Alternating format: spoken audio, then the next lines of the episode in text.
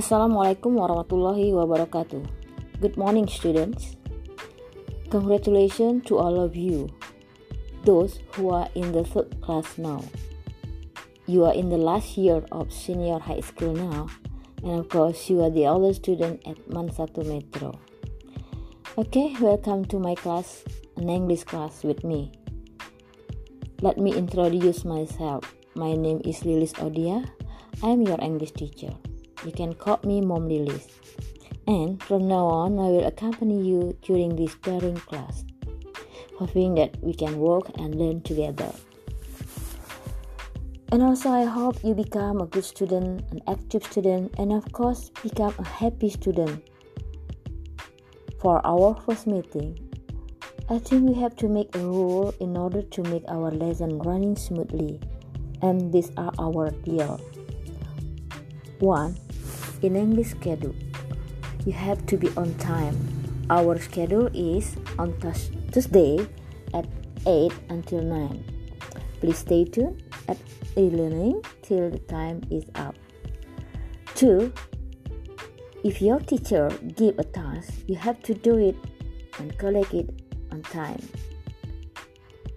The third, if you cannot participate in the class, you can call your wali class or you can uh, call me too. 4. Be active in class discussion.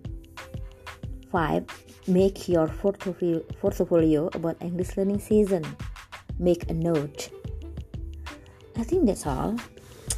If you have uh, any suggestion or advice about our learning class, you can send it to me. One student can give one suggestion or advice. Think about it, write it down, and send it in this class. Let's discuss it. For English um, 12 class, we have um, many material,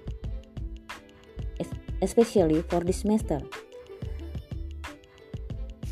There are an offering service or help, conditional sentence, caption, job application letter, passive voice, news item, direct and indirect, procedure text, imperative sentence, and etc.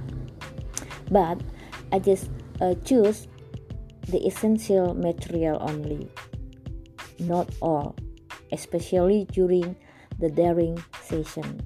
Okay? If you have any question, you can comment in this e-learning. Okay, thank you. Wassalamualaikum warahmatullahi wabarakatuh. That helps to our lesson today.